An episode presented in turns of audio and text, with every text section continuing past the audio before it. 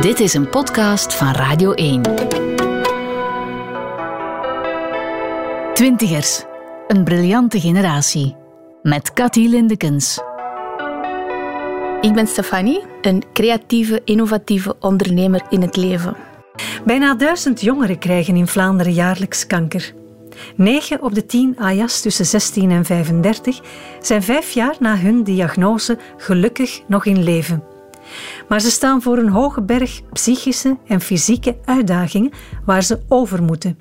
Ze knokken zich met moed weer in de wereld en ondersteunen elkaar.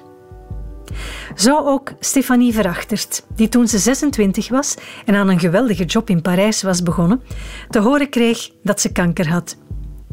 Stefanie heeft niet alleen haar ziekte bedwongen, ze zet zich nog dagelijks in voor andere Ayas met kanker, met haar sociale koffiebars The Big C.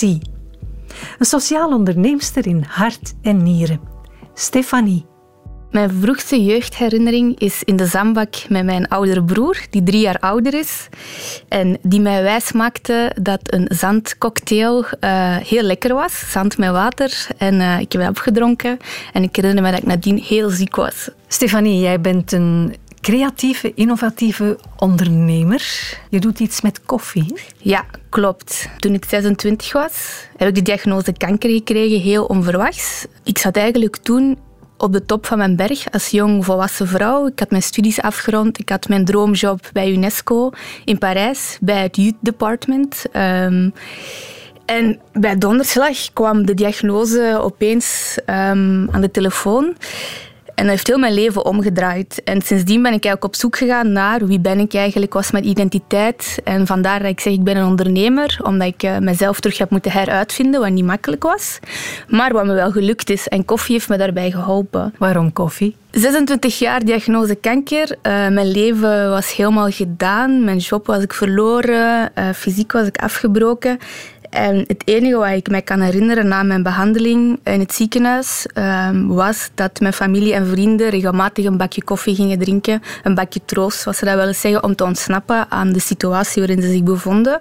En ik vond dat heel fijn, want ik voelde me als jongere altijd heel schuldig. Um, omdat ik mijn omgeving heel veel ja, toch wel wat zorgen heb bezorgd. En ik stond daar machteloos tegenover. Dus destijds zag ik dat door koffie mijn familie en vrienden zelf even konden ontsnappen. Toen ik zelf uit behandeling kwam, viel ik in een heel groot zwart gat. Ehm, de deur achter het ziekenhuis ging dicht en er ging geen nieuwe deur voor mij open. En dan was koffietjes drinken het nieuwe, uh, de nieuwe hype. En op die manier heb ik mezelf terug geïntegreerd in de samenleving, zal ik zeggen. Um, ik vond het heel moeilijk om mezelf terug te zijn wie ik was, omdat ik niet meer was wie ik was. Um, en door met vriendinnen en vrienden af te spreken in een koffiebar, voelde ik dat ik stilaan mezelf terug kon opbouwen. Ja. En, en die koffie was een soort middel voor mij om terug in dialoog te gaan. Uit wat voor een gezin kom jij? Ik kom een stukje uit het cliché. Uh, een gebroken gezin, gescheiden gezin. Ik heb uh, één oudere broer, drie jaar ouder dan mij. Uh, mijn vader is nooit op de voorgrond in ons gezin geweest. hij had een internationale job, dus ik heb hem nooit echt gekend. Ik herinner me ook heel weinig van hem in mijn jeugdjaren.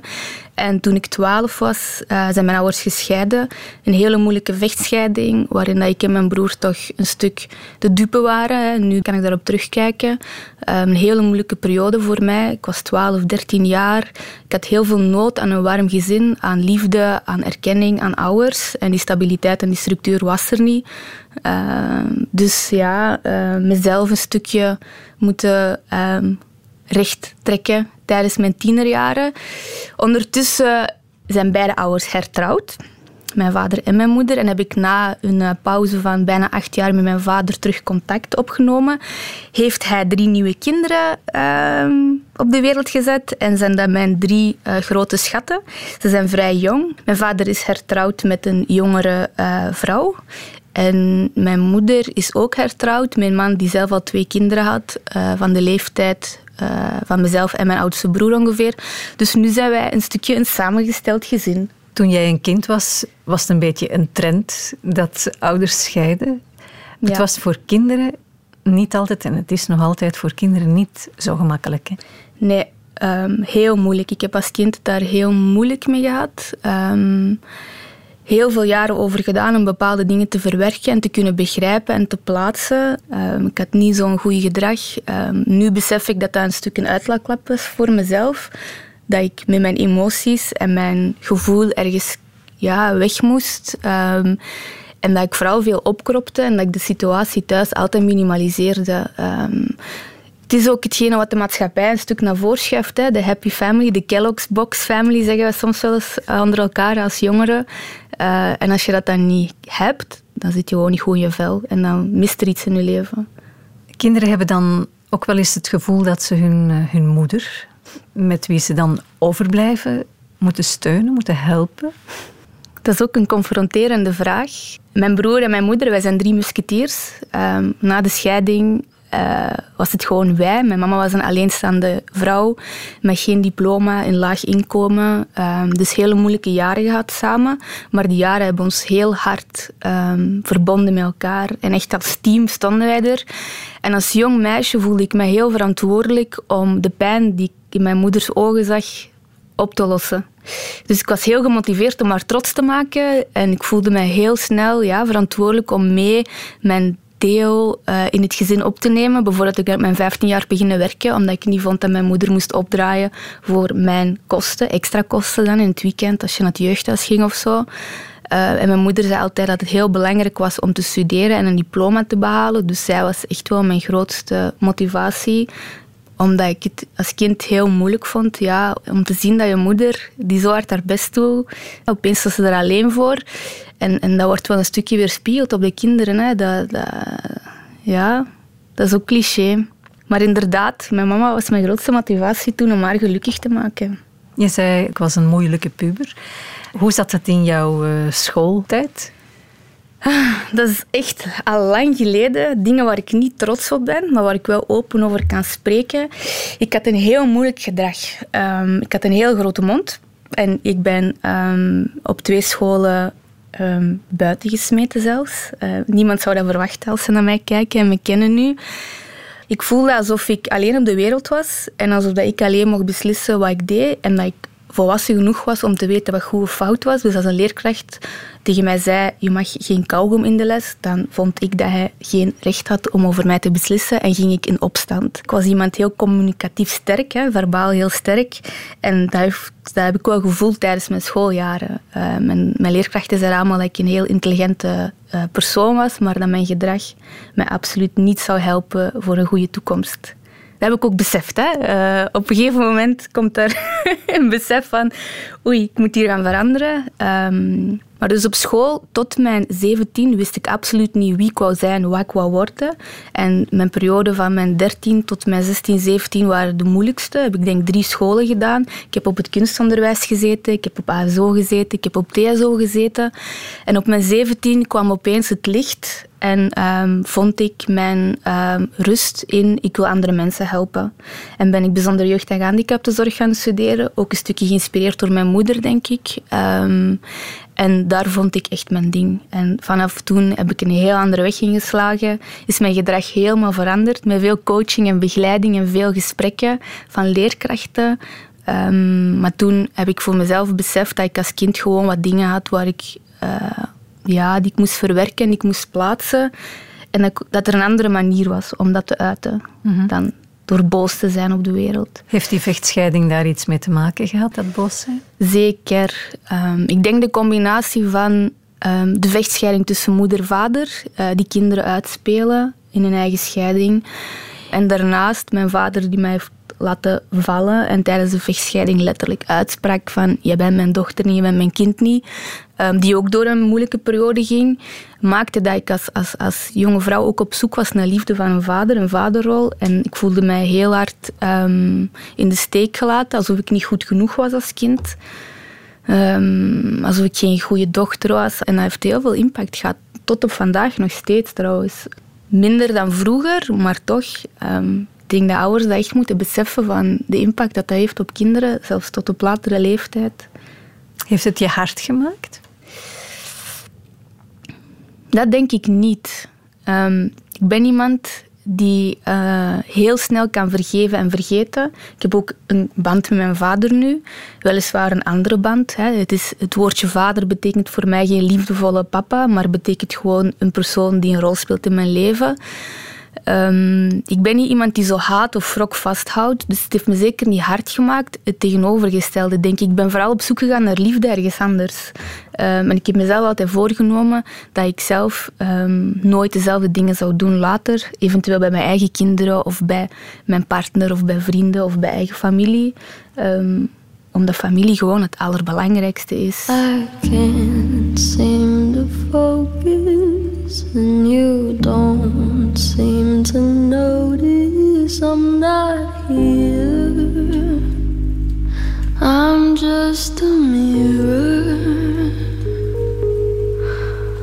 You check your complexion to find your reflections all alone.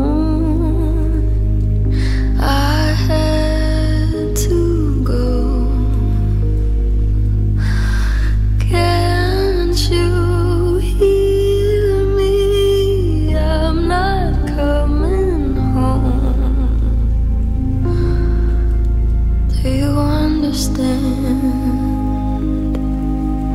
I've changed my plans.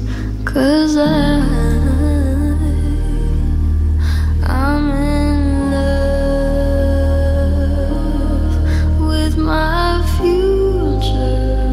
Je zei, mijn moeder heeft mij geïnspireerd om uh, bijzondere jeugdzorg te gaan studeren. In ja. welke zin? Ik heb een jonge mama. Hè. Zij heeft haar eerste zoon gekregen op haar 18 en mij op haar 21. Dus ik denk dat als zij uh, bij mijn vader wegging, zij zelf nog maar begin 30 was, uh, geen diploma, jarenlang huisvrouw geweest, hè, ook cliché van in haar tijd. En zij was een hele sterke, koppige, vastberaden vrouw en zij is terug gaan studeren. Omdat zij heel goed besefte oké, ik kom hier nu met twee kinderen alleen te staan. Ik heb een heel laag inkomen. Mijn kansen op de, op de markt zijn uh, of poetsvrouw of um, in de fabriek. Hè. Dat was zo voor de hand liggend voor alleenstaande vrouwen. En ze wou een voorbeeldfiguur voor ons zijn op dat moment. En op een of andere manier is zij terug gaan studeren in uh, het volwassen onderwijs of dagonderwijs. En dat was dus ook bijzonder jeugd- en gehandicaptenzorg. Ik denk dat dat toen anders noemde. Uh, opvoeder, volgens mij, als ik me niet vergis. En ik denk de combinatie van het zien hoe mijn mama omging met de situatie, hoe gemotiveerd zij was, ondanks de moeilijke tijd, hoe belangrijk zij het vond om te studeren. Um, ik herinner mezelf, en ze gebruikt het soms nog tegen ons, dat zij dan met haar boek op het toilet zat om even te ontsnappen van haar twee puberende kinderen. Ze gebruikt het dus nu nog steeds tegen ons. Van, weet jij wat ik voor jullie heb overgehad? Um, maar ik denk dat ik toen een heel belangrijk voorbeeld heb gezien um, dat mij heeft doen nadenken over oké, dit is de juiste weg en die weg wil ik ook inslaan. Um, en mijn moeder heeft ons heel liefdevol opgevoed. Met het goede doen voor anderen. We leven in een maatschappij. we moeten er zijn voor degenen die uh, hulp nodig hebben. Dus dat zit wel een stuk in mijn opvoeding. Dus het sprak voor zich. Ja, bijzondere jeugdzorg. en nadien ben ik sociaal werk gaan studeren zelfs. Hè. Dus ik ben echt wel helemaal verder gegaan in dat domein. Zijn er ook uh, leerkrachten die jou geïnspireerd hebben? Of was dat helemaal, uh, zat dat helemaal mis? Uh, nee, nee, zeker. ik denk degenen die aan het luisteren zijn, moeten nu lachen. Er zijn er een paar die een hele grote rol hebben gespeeld in mijn leven. In het middelbaar waren er leerkrachten die absoluut niet in mij geloofden, durf ik ook eerlijk zeggen. Die me ook in mijn gezicht zeiden van, jij gaat niks bereiken in het leven, je bent niks waard. Um, Zegden ze dat zo? Je bent niks ja, waard? Ja, um, letterlijk bij het afstuderen van mijn bijzonder jeugd- en gehandicaptenzorg. Uh, ik was de tweede beste van de klas. Ik had altijd goede punten. Ik had, uh, ik had het geluk dat ik voor een of andere reden werkte mijn hersenen vrij goed. Um, en ik kon altijd uit alle examens praten, uh, dus dat zat goed, maar mijn gedrag zat niet goed. En op het einde bij de diploma-uitreiking zei de de klasverantwoordelijke echt tegen mij, Stefanie, maatschappelijk werk is niks. Hè. Dan vroegen ze, wat ga je studeren, wat is je toekomst? En die brak me gewoon af waar mijn moeder naast stond. Het is niks voor jou, ga je nooit bereiken. Ga je nooit kunnen halen. Maar zij baseerde zich natuurlijk op ja, mijn gedrag dat zij heeft gezien de twee jaar op school. Um, dus ook nu begrijp ik dat wel. Allee, nee, nee, nee, ik begrijp dat niet, want dat zeg je gewoon niet tegen jongeren. Want op dat moment heeft die jongeren net het tegenovergestelde nodig. Maar ik begrijp wel van waar zij komt. Um, dus in het middelbaar, het merendeel van de leerkrachten waren niet zo fan van mij. omwille van mijn gedrag. Ehm, ik had wel één heel goede leerkracht in het middelbaar, Engels, die uh, mij heel veel kansen gaf. Die eigenlijk het talent in mij wel zag. Om dat met een concreet voorbeeld te geven, uh, ik had ehm, examen Engels. We moesten een boek lezen en dan hadden we een mondeling examen. En ik had dat boek helemaal niet gelezen, want ik had de avond daarvoor waarschijnlijk thuis problemen. Ik had ook een heel moeilijke puberende broer, die ook het hele verkeerde pad is opgegaan. Dus ik zat absoluut niet in een goede thuissituatie. Dus ik had dat boek niet gelezen en ik dacht, ja, pech. Dus ik ga naar mijn examen en uh, ik zeg dat ook eerlijk tegen mijn leerkracht van kijk, hè, buis mama, want ik heb mijn voorbereiding niet gedaan. En hij wist een beetje wat mijn thuissituatie en hij zei, kijk Stefanie, ik weet dat je Engels kan. Spreek gewoon over je thuissituatie in het Engels tegen mij. En ik was erdoor met heel goede punten, dus ik apprecieer wel um, die bepaalde leerkracht dat die door mijn moeilijkheden heen zag en mijn mhm. talenten echt wel um, eruit heeft gehaald en bevestigd heeft. Ik denk dat die momenten ook hebben gemaakt dat ik in mezelf begon te geloven. Toen ik naar de hogeschool ben gegaan, zal ik ook niet vergeten. Ik had eigenlijk een technisch, technisch diploma. Hè. Um, bij mijn inschrijving was ik super enthousiast. Uh, bij Thomas Moore, sociaal werk in de Kempen in Geel. En uh, ik kreeg te horen, kijk, wees maar niet te enthousiast, want maar 7% van jouw doelgroep slaagt. Mm, jouw doelgroep? Mijn doelgroep van, ik kom niet uit een ASO-opleiding, enzovoort enzovoort. Dus... En toen dacht ik, ik ga jou tegendeel bewijzen. En ik denk vanaf toen heb ik echt een shift gemaakt van alle mensen die niet in mij geloven, inclusief mijn vader toen nog steeds, die niet op de voorgrond was, die wou ik eigenlijk bewijzen dat ik het wel waard was, dat ik wel talent heb en dat ik wel het verschil kan maken voor mezelf, voor mijn familie en voor de wereld. En het is op dat moment dat ik een heel grote shift in mijn leven heb gemaakt. Toen was ik 18, 19. Um, en docenten aan de hogeschool hebben echt heel hard bijgedragen tot wie ik vandaag ben. Um, ik herinner mij nog dat we een leergroep hadden daar. Uh, en daar moesten we heel diep graven in ons eigen persoonlijke leven. Want voor je maatschappelijk werker kan worden, moet je met twee benen stabiel op, met twee voeten stabiel staan. En die zijn heel diep gegaan. Uh, ik was moeilijk te breken. Ik had weinig emotie. Um, hetzelfde verhaal. Hele intelligente, beloftevolle student, maar moeilijk gedrag nog steeds. Wel um, minder dan in het middelbaar, maar toch nog steeds een moeilijk gedrag, heel eigenwijs. Ik wou geen gezag aanvaarden, ik was bedweterig, ik wist alles beter. Uh, ik koos mijn eigen uren, ik spijbelde. Uh, je kon spijbelen in de hogeschool. En ik denk na het eerste jaar ben ik echt um, bij de docent agogiek, Guy, hij gaat ook lachen, uh, geroepen. En hij zei tegen me ook letterlijk van Stefanie, in heel mijn carrière heb ik nog nooit iemand zoals jou ontmoet ik weet niet wat ik met jou moet doen. Je bent zo'n slimme vrouw en je kan zoveel bereiken, maar langs de andere kant ben je ook zo'n pain in the ass voor ons, dat wij heel moeilijk met jou kunnen werken. Um, ik heb dit nog nooit meegemaakt. En dan zijn er wel een paar klikken bij mij gaan... Um, ja, is er een klik gekomen. En toen besefte ik ook dat ik niet met de juiste vrienden mij optrok en mij omringde. Um, mijn vrienden vanuit de, de buurt, hè, noemen ze dat dan. Hè. Vanuit de wijk waarin je woont. zijn dan je vrienden waar je je sociale leven mee deelt. Dat waren niet de juiste mensen om mij verder te helpen. En dan heb ik ook mijn vriendenkring veranderd. En vanaf toen is het goed gekomen met mij. Heb ik echt um, heb ik een heel positief traject gehad in het leven. Een heel empowerend, versterkend traject. Ik heb heel veel kansen gekregen. En ik heb heel veel mensen gehad die tegen mij zeiden... Stefanie, jij kunt dat. Je bent dat waard. Heeft de wijk waar je in woont dan zo'n groot effect op een meisje? Ja, ongetwijfeld. Ongetwijfeld. Ik zie dat nu ook uh, met andere jonge, jongeren, want ik ben ondertussen al een jong volwassene. Als jongere, en zeker de dag van vandaag, wil je ergens bij horen, wil je het gevoel hebben dat je um, populair bent, dat speelt heel hard. Hè. Uh, je bent op zoek naar identiteit. Hè. Je begint te roken, je experimenteert met drugs, met drank. Uh, ik heb zelf nooit gerookt, nooit drugs uh, geprobeerd. Ik was altijd wel een atypisch iemand. In die zin dat ik... Um, um, ik heb een hele vrije opvoeding gehad van mijn moeder. Open, ik mocht doen wat ik wou, bij wijze van spreken. Ze gaf me heel veel vertrouwen, maar ze gaf me ook heel veel waarschuwingen. Als je dit doet, gebeurt er dit. Jij bent verantwoordelijk voor jouw leven. Als je die keuzes maakt, draag jij de verantwoordelijkheid.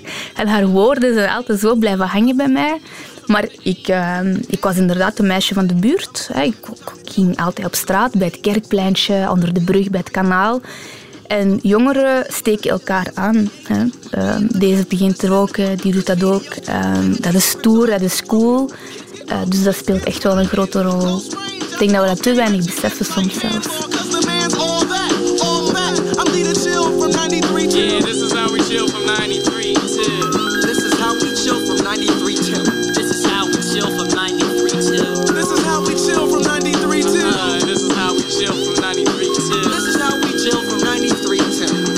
Ben ook van meisje van de buurt naar jeugdwerk gegaan.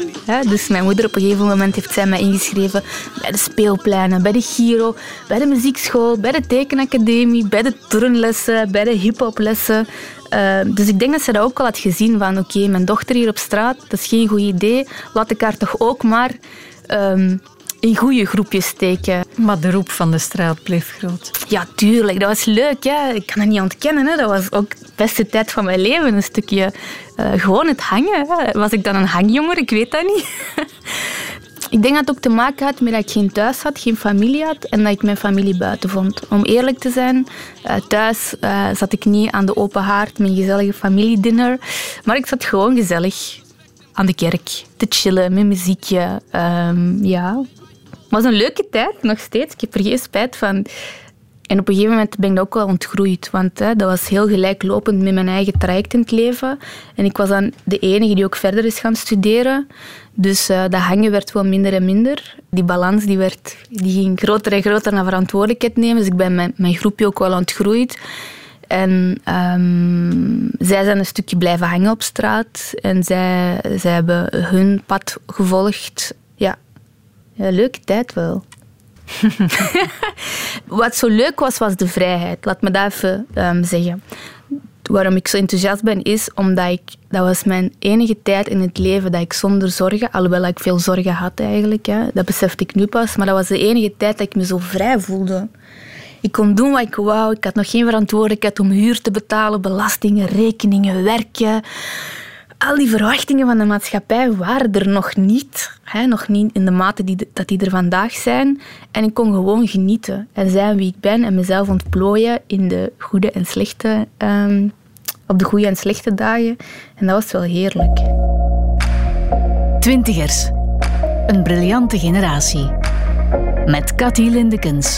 De eerste keer dat ik Stefanie ontmoet heb, was toen ik vele jaren geleden aanwezig was bij de voorstelling van het jeugdbeleidsplan van de Vlaamse regering.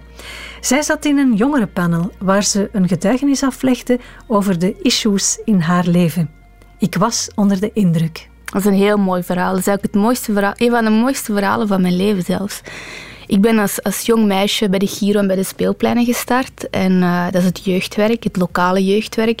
En daar ga je van deelnemer naar monitor.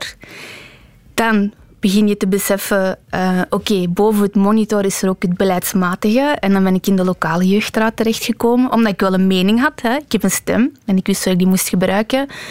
En op een dag, toen was het nog voor voormalig minister Jeugd Pertension, die organiseerde een uh, event aan de zee, uh, Europinion noemde het, om de mening over Europa bij jongeren te bevragen. En ik kwam toen uit een moeilijkere situatie, niet veel centen, dus ik dacht, yes, een weekendje gratis naar de zee. En ik ga nog eens mijn mening kunnen zeggen. Ik ga ervoor tekenen. Ik heb twee vriendinnen uh, overtuigd. Meer voor het weekendje zee dan voor het Europinion gebeuren. Um, maar kijk, we hebben ons ingeschreven. Dat was heel fijn in een, in een jeugdherberg. Echt een jongeren-event. Heel goed begeleid. En... Um, op een of andere manier was ik daar ook actief en, en ik vond dat echt mijn ding. En na het weekend uh, kwamen de mensen van de Vlaamse Jeugdraad naar mij en die zeiden: Kijk, uh, je bent ons opgevallen. Zou je dan niet zien zitten om uh, bij de Vlaamse Jeugdraad te komen als jongere? Want we hebben wel jongeren met een stevige mening nodig.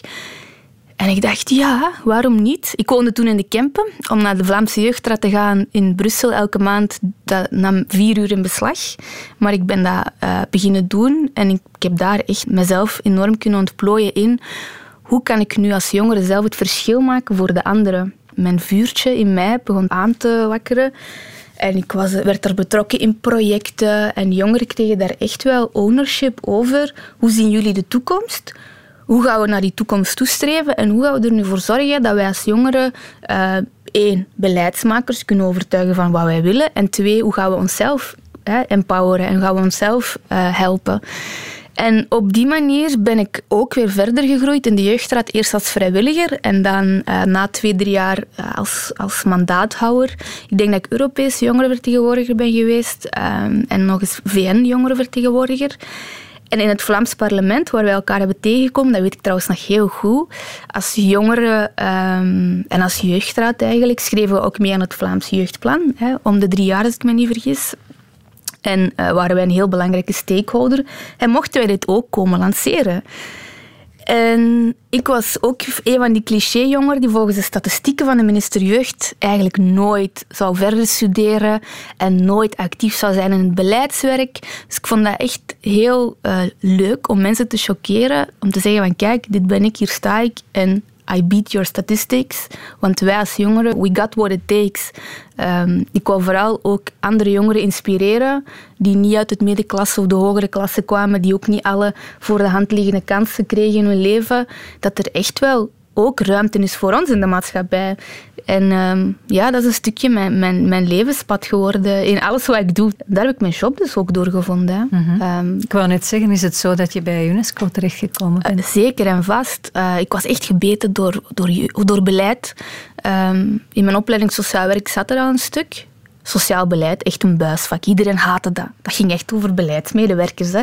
En over waar gaat ons belastingsgeld naartoe. Dat was trouwens de eerste keer in mijn leven. Ik was 19 jaar. En pas op mijn 19 besefte ik ons belastingsmodel. Ik pleit echt dat we in de kleuterschool moeten beginnen leren. Van hoe ziet, hoe ziet ons welvaartmodel eruit? Dus ik was 19 jaar. En toen pas kreeg ik te horen hoe eigenlijk ons welvaartssysteem werkt. En dat triggerde mij. Want ik dacht, oké... wie heeft dan de beslissingsbevoegdheid? Wie heeft de macht? Wie zijn die volksvertegenwoordigers? Wie is het middenveld? Wie ben ik eigenlijk in dit verhaal? En doordat ik al in de Vlaamse Jeugdraad actief was, doordat ik eigenlijk de kans kreeg om in dialoog te gaan met politici, met beleidsmakers, degene waarvan dat wij eigenlijk denken dat die onbereikbaar zijn, hè, want we zien die enkel op de tv, zag ik dat die wel bereikbaar waren. En uh, ik heb eigenlijk mijn studietraject parallel laten uh, verder bollen uh, naast mijn traject binnen de Vlaamse Jeugdraad. Dus na mijn uh, bachelordiploma sociaal werk uh, kreeg ik het mandaat Europese jongerenvertegenwoordiger en ben ik European Comparative Social Studies gaan studeren. En daarna kreeg ik het mandaat VN jongerenvertegenwoordiger. Ik mocht naar New York. Uh, Yves Leterme had mij toen um, ja, geselecteerd. Het was ook een wedstrijd. Ik was in de VN. Ik heb Ban Ki-moon ontmoet en ik dacht, oké. My message to young people is... You have the power to make our world better. To leaders, I say, help youth unleash this power for our common future.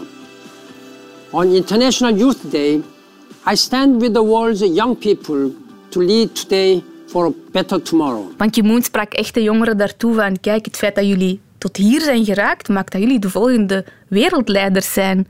En ik dacht, dit is het licht, het shine op mij, ik moet hierin door. Dan ben ik nog aan de KU Leuven internationale vergelijkende politiek gaan studeren. En dan was ik 26, dus dan was het eigenlijk tijd om te stoppen. En uh, ik ben altijd heel actief geweest op internationaal niveau dan in het jeugdbeleid. En ik heb mijn cv geüpload op de databank van de VN.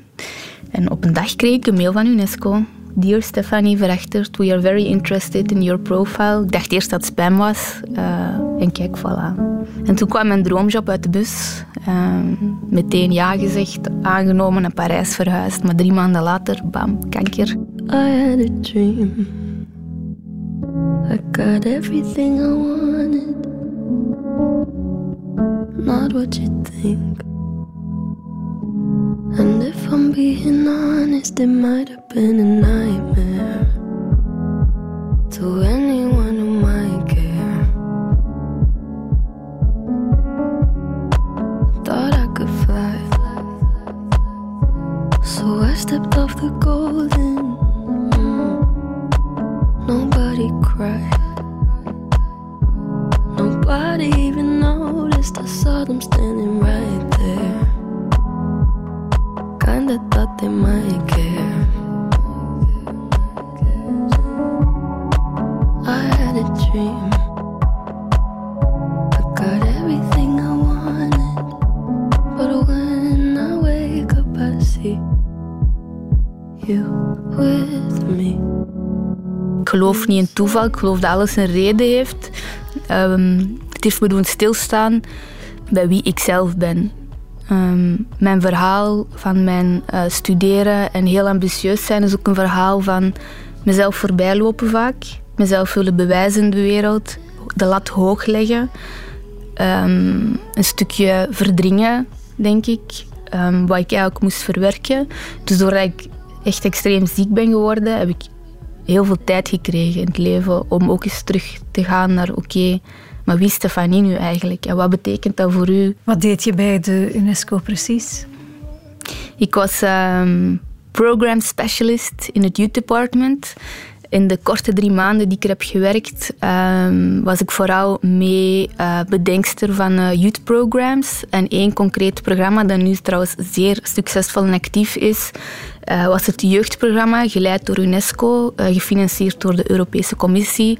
Na de Arabische lente en de opstand van jongeren daar, jongeren die echt op straat kwamen en uh, democratie eisten en een stem eisten, die daar geen platform voor hadden, ehm, hebben wij eigenlijk een programma voor uitgeschreven, NetMet noemt dat. En we hebben er eigenlijk in, in tien landen youth units opgericht en ervoor gezorgd dat jongeren ook daar een platform hadden om zich te organiseren, om een stem te hebben, om activiteiten te doen, om zichzelf mee te ontplooien als uh, nieuwe leiders.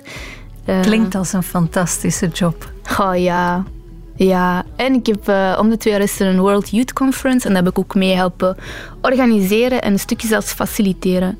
Dat was echt mijn droomjob. Um, soms vraag ik me af of ik nog steeds um, die job wil, want de dag van vandaag um, zijn er nog wel beperkingen in mijn leven na mijn kankerbehandeling, waardoor dat ik niet meer dat tempo aan kan en dat ritme aan kan. Uh, ik ben terug proberen te gaan werken voor UNESCO op het uh, Liaison in Brussel na mijn behandeling.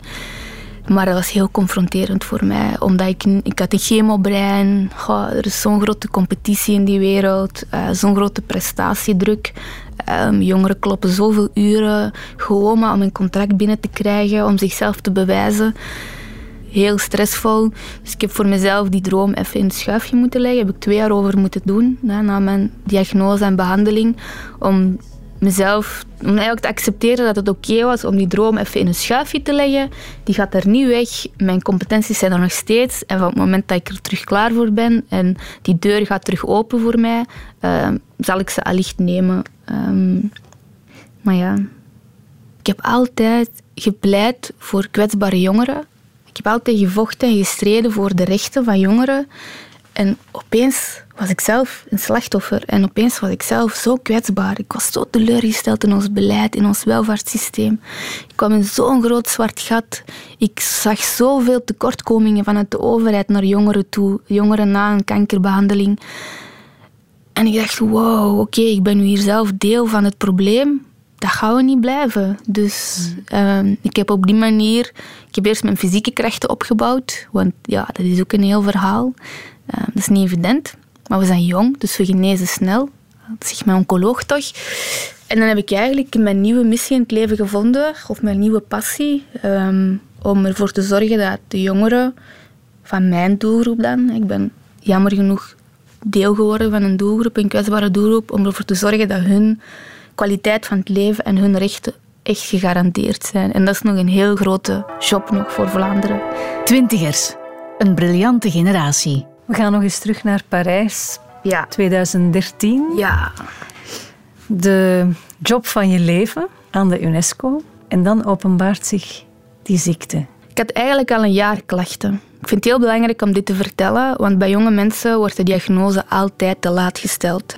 Men gaat er nooit vanuit dat een jongere kanker heeft. Dat is het laatste waar ze aan denken. Dus ik liep eigenlijk al een jaar met klachten naar mijn huisdokter, gynaecologische klachten. En er werd gezegd, dit is een hormonaal probleem, je bent een jonge vrouw uh, en ja, je vertrouwt je dokter. Maar voordat ik bij UNESCO mocht beginnen werken, moest ik medisch gekeurd worden. Mijn huisdokter adviseert me om toch een gynaecoloog te gaan uh, bezoeken. Ik heb dat ook gedaan. En uh, die liet mij meekijken op de computer en die zei precies niks verkeerd stempel, pam, op mijn papier, gezond. Stefanie mag naar Parijs vertrekken.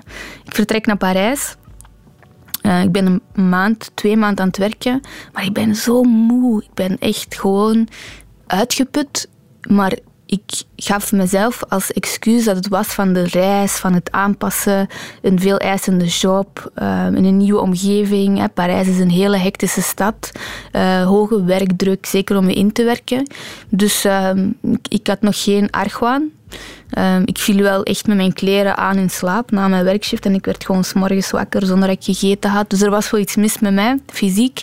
Ik had het geluk op dat moment dat mijn collega, haar mama, gynaecoloog was. En die sprak met mij ook over mijn complicatie. En Stefanie, dit is niet oké. Je moet naar huis, je moet onderzocht worden, want je kan op deze manier niet werken. Dus ik herinner mij dat ik een conferentie had in Brussel. Ik moest even terugkomen naar huis voor mijn werk. Uh, ik heb dan aan mijn huisdokter gebeld, gezegd van er is iets mis met mij in mijn onderbuik. Ik wil een echografie uh, in het ziekenhuis. Uh, ook al beveel je mij dat niet aan, ik wil dat voor mezelf. Ik wil een scan en alles voor de zekerheid. Hij plant dat. Maandagmorgen ik ga naar het ziekenhuis, op de echo niks te zien. Een paar opgezette klieren. Ik ga naar de gynaecoloog, hij doet zijn onderzoek. En hij komt terug naar boven en hij stottert en stammelt en zegt... Stefanie, jij hebt kanker. Hij doet zijn praktijk dicht, hij maakt een biopsie en hij zegt: Jij moet nu naar Leuven. Ik heb dit nog nooit bij jonge vrouwen zo erg gezien. Mijn eerste reactie was boosheid. Ik zei hem ook letterlijk: Ik heb hier drie maanden geleden op dezelfde stoel gelegen. Jij gaat me niet vertellen dat ik op drie maanden tijd kanker heb ontwikkeld. En dan, daar sta je dan. Hè. Mijn talus was twee uur later terug naar Parijs. Hij zei, ik ben zeker dat het kanker is. Ik ga nu naar het labo, uh, maar ik hoef hier geen uitsluitsel voor. Die heeft mij een brief gemaakt voor uh, naar UZ Leuven onmiddellijk binnen te gaan. Het enige wat door mijn hoofd ging, hoe kan ik dit tegen mijn moeder vertellen? Ik wou niet bellen naar huis, dus wat heb ik gedaan? Ik ben naar mijn auto gelopen. Ik ben naar mijn drie jonge broertjes gereden. Zonder iets te zeggen, ik wou even zo een ander thema in mijn hoofd. Ik ben met hun gaan spelen. Herinner mij nog heel goed. Om even hun onschuld en vreugde in mijn leven te hebben. En dan heb ik een berichtje aan mijn mama gestuurd, zwaar geminimaliseerd. Je moet je geen zorgen maken. Ik moet nog even in België blijven. Ik moet wachten op resultaten. Het is beter dat ik hier blijf, hè, want als ik terug moet hè, op en af gaan. En kwam ik thuis en dan zat mijn uh, moeder en stiefvader en iedereen eigenlijk volop te huilen. Uh, ja, en toen ben ik echt ja, ingestort. Ik zat de eerste dag nog wel in ontkenning denk dat dat echt heel moeilijk was om dat allemaal te plaatsen. Ik heb meteen aan mijn werkgever gemaild. Heel bemoedigende woorden van Stefanie, neem je tijd. Eh, we pakken jouw taken over. Dus dat was al geen stress. Maar ja, dan kom je in een rollercoaster. Dag twee werd je wakker van de uren dat je al had geslapen. En dacht je, nee, niet ik, dat kan niet. Nee, dat kan echt niet. Dat past niet in mijn planning.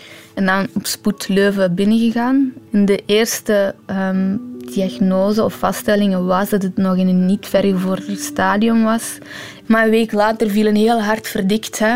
Um, kanker in een vergevorderd stadium, vier benen, uitzaaiingen. Um, met heel, heel slechte prognose. Uh, het was behandelbaar. Het woordje geneesbaar is, heeft, is nooit uitgesproken aan mij.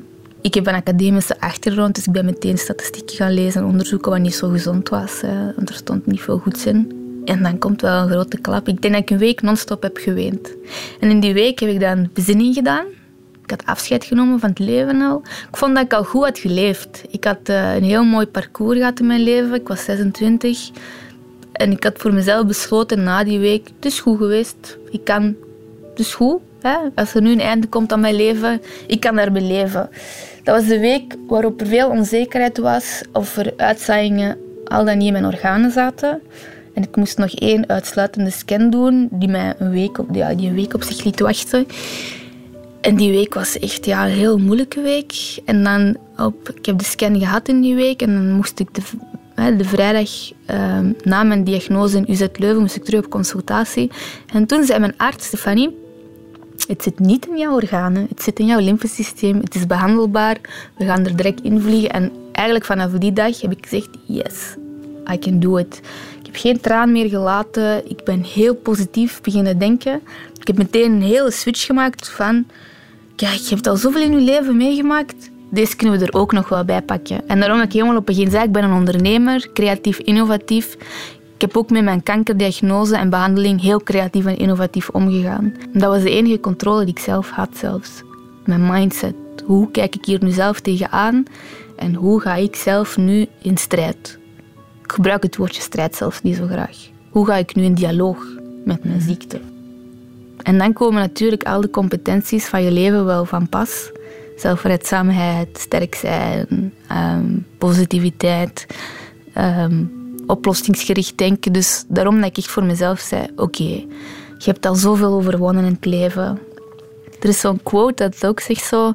ehm, God geeft alleen maar de moeilijkste strijd aan zijn sterkste soldaten.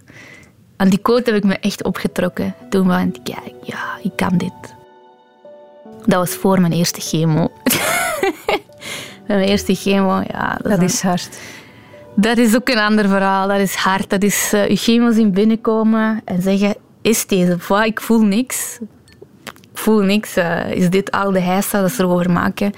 Maar twee uur later gewoon helemaal plat gaan en beseffen: ja, dit neemt gewoon het leven uit mij uit. Hè. Ik denk dat na een paar uur na mijn eerste chemo mijn leven uit me weg was gezogen. Letterlijk en figuurlijk. Het is heel moeilijk om te omschrijven voor mensen die het nooit hebben meegemaakt.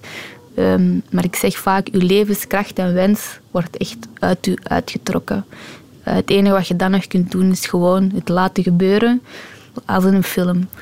En ehm, tijdens mijn behandeling ja, was ik helemaal afgebroken. En dan zei ik van, ga nooit meer werken. Als ik hier doorgeraak, ga ik gewoon van mijn leven genieten. Ga ik enkel eh, mij omringen met mijn familie.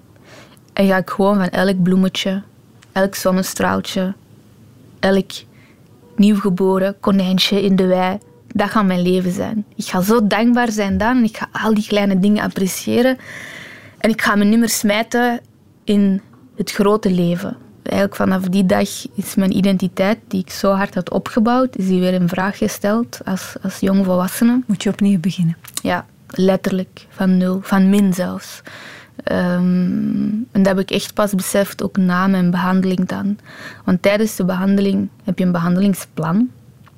Echt een schema van 's morgens tot 's avonds, waar je zelf weinig inspraak in hebt.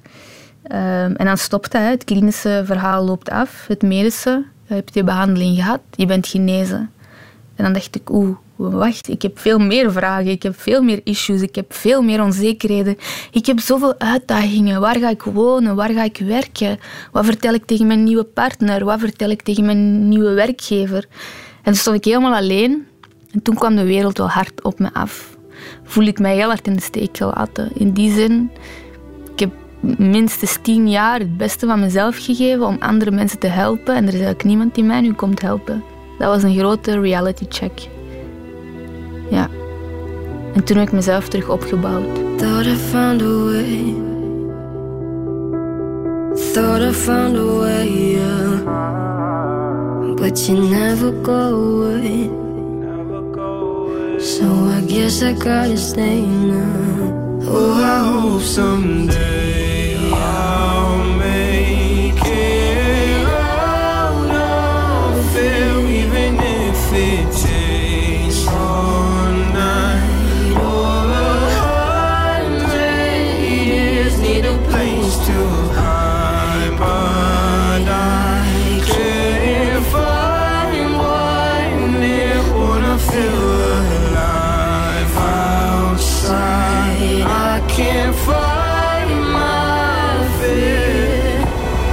dan belanden we natuurlijk, we komen op tegen kanker. Hè. Dan belanden we bij de volgende fase in mijn leven. Ehm, ik heb heel hard geworsteld met wie ik ben. En daar was mijn mama weer als eh, mijn motivatie, mijn licht in het leven.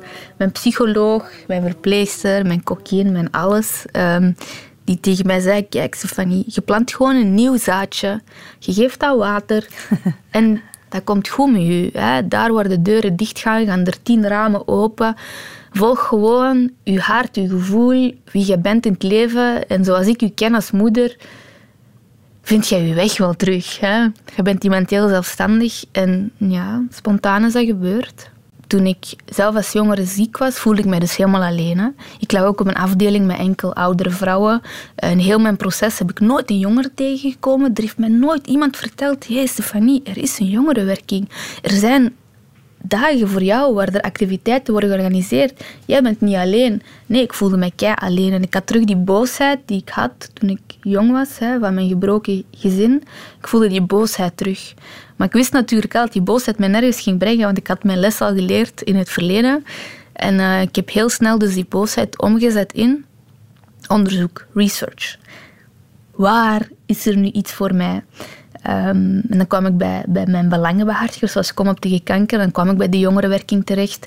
En dan, eigenlijk was dat een match made in heaven. Want ik had een hele grote rugzak aan ervaring over hoe eh, breng je jongeren samen, hoe empower je jongeren, hoe zet je jongeren in hun kracht en hun talent, hoe betrek je jongeren bij je eigen beleidsvorming en zo verder.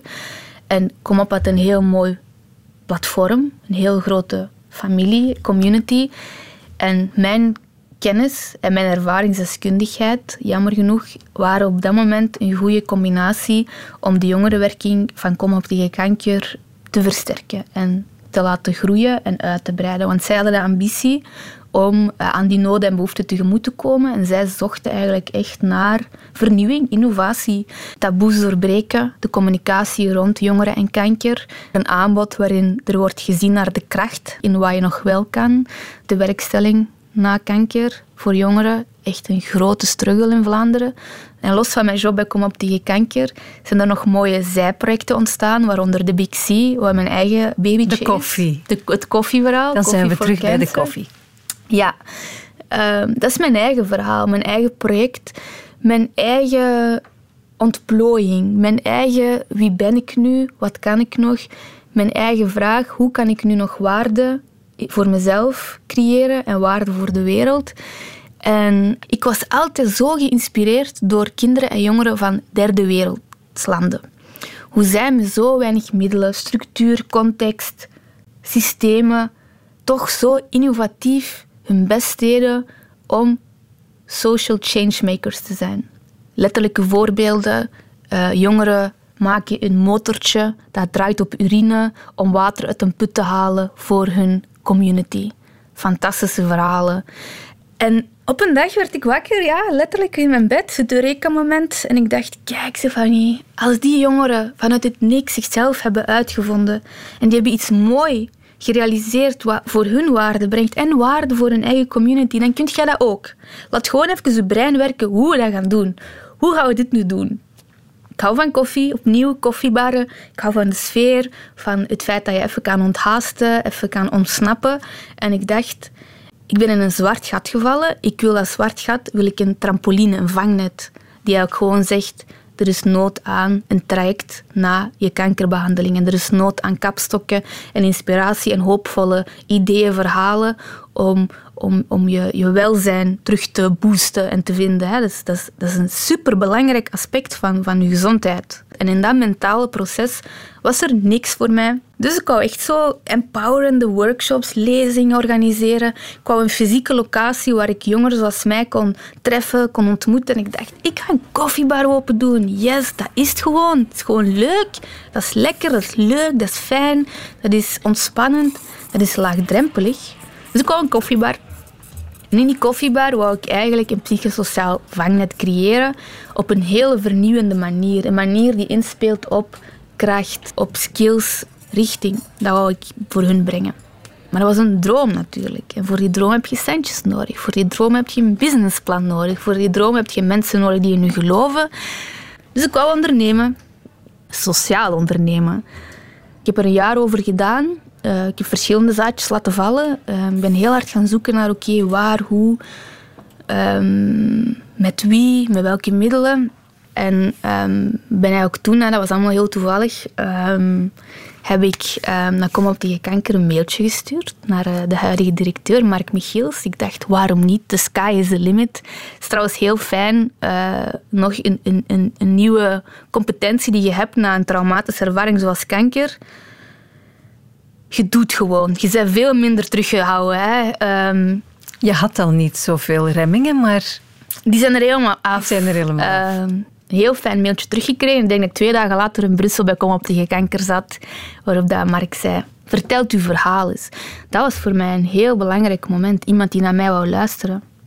Iemand die de tijd nam om eens te luisteren naar waar zit je nu mee en hè, hoe gaat het met u en, en, en wat is er allemaal gebeurd. En hij was een beetje geschrokken van mijn verhaal. Van, hij was zich ook niet bewust van dat dit met jongeren gebeurt. Uh, men gaat ervan uit dat er bij dienstverleningen vanuit de VDAB, het OCAW, het CAW uh, en zo verder, dat er wel voldoende steun is en, en, en richting en begeleiding. Maar als je dan een verhaal krijgt te horen van kijk, het is van kastje naar het muurtje en het is echt wel jezelf hè, helpen, um, is dat fijn dat iemand luistert naar u en zegt kijk, ik ga met deze informatie intern eens met een paar mensen praten en binnen een week ga ik jou terug contacteren. En um, dan heeft hij mij eigenlijk een job aangeboden. En daarin um, geef ik hun heel veel credits en ben ik heel dankbaar. Hebben ze gezegd, kijk Stefanie, ook je sociaal ondernemingsverhaal, chapeau, knap. Wij beseffen dat dat niet evident is, dus in jouw job uh, voor ons mag je eigenlijk jouw sociaal ondernemingsdroom verder uitwerken. Maar je hebt op zijn minst de zekerheid van een job. Um, je kunt je sociaal rechten terug opbouwen. Jij geeft ons de know-how en de knowledge en we doen een win-win situatie. En op het moment dat je klaar bent om uit te vliegen, vlieg je uit en ga je verder met je eigen project. Mooi hè? Heel mooi. Vanaf dan is mijn leven terug veranderd. Twintigers. Een briljante generatie. Van een mobiele koffiebar groeide de Big uit tot een brand met koffiebars in hogescholen en koffiecorners in enkele ziekenhuizen.